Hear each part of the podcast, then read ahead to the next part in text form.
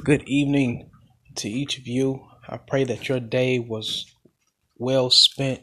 You got an opportunity to um, do something productive.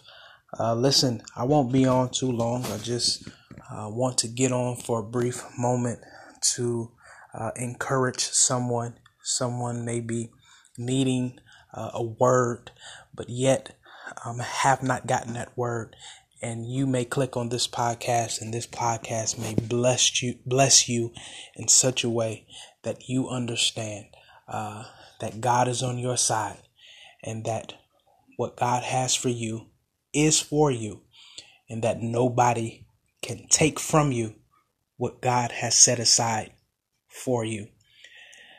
Listen i don't know where you are. I don't know what you're going through in your life. I don't know your reality I don't know uh, your past been through, but I just want to encourage you and let you know that those who wait upon the Lord shall renew their strength. They shall mount up on wings as eagles. They shall run and not get weary. They shall walk and not faint. Listen, waiting on God, waiting on God, it's not always easy. But that's why we pray for patience. We pray that God gives us the inner ability to be still so that we can see and hear and move as God gives us signs and directions to go in the direction in which He wants for us to go.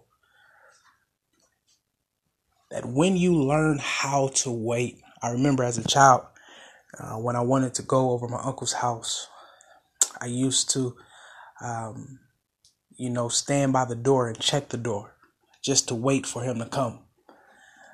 Um, sometimes he said he would be there at seven o'clock, so I would check the door at six thirty. Six thirty, he wasn't there. Wait a little bit, then go back and check the door at six forty. Begin to get impatient. I go again and Check the door at 7 o'clock.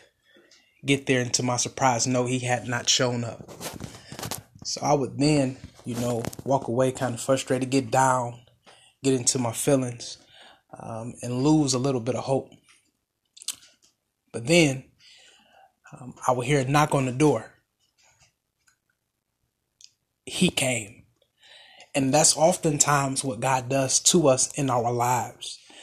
That we have this expectation of what we want from God at a specific time.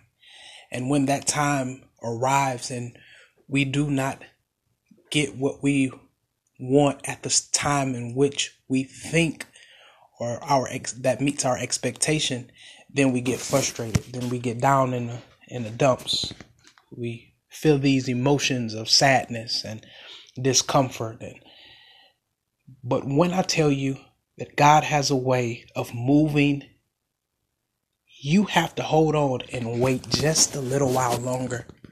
Because the church that I grew up in, the traditional church would tell, say this God may not come when you want him to come, but God is always, God is always, God is always on time. That he may not come at the time that you want him to come, but when you have patience and when you learn how to wait on God, you realize that whenever God shows up, He's right there on time because you know when God shows up, He's going to show out. And when God shows out, you can bet whatever you want to bet that God has a way of meeting every expectation and every need that you want. So I bid you wait on God. Allow your waiting to cause you to grow in strength so that you may mount up with wings as eagles. And that when you mount up with wings as eagles, you shall run and not get weary. You shall walk and not faint. Before you go, learn to pray this prayer, which suggests that or or petition God to give you the patience in which you need in order um, to be who God wants you to be fully, so that you don't grow impatient, You don't grow just in contentment, but you have an inner gift, an inner strength to be patient. So, Spirit of the living God, I pray for he or she who may be listening. First of all, God, we want to thank you because we understand that the reason we have life in our bodies, the reason we have activity in our limbs, the reason we're able to talk and move and all of these things is because God, you granted us this ability. And even if we are suffering in any of those areas, uh, lack of mobility, God, we still say thank you for having life. So, God, I'm asking you, God, even in this moment, God, that you would give us the patience to understand that we are exactly where you want us to be, right here in your will. So, God, we ask that you increase that fruit of the Spirit.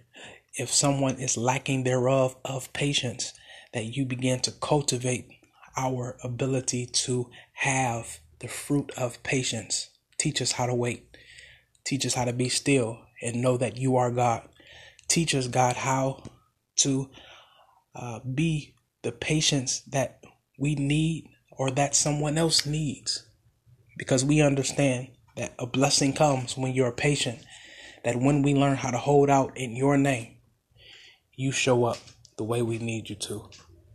So, God, we seal this prayer in your Son, Jesus Christ, the Messianic Savior. Amen. All right, beloved, go in peace, go in joy, and know that God is with you. Peace.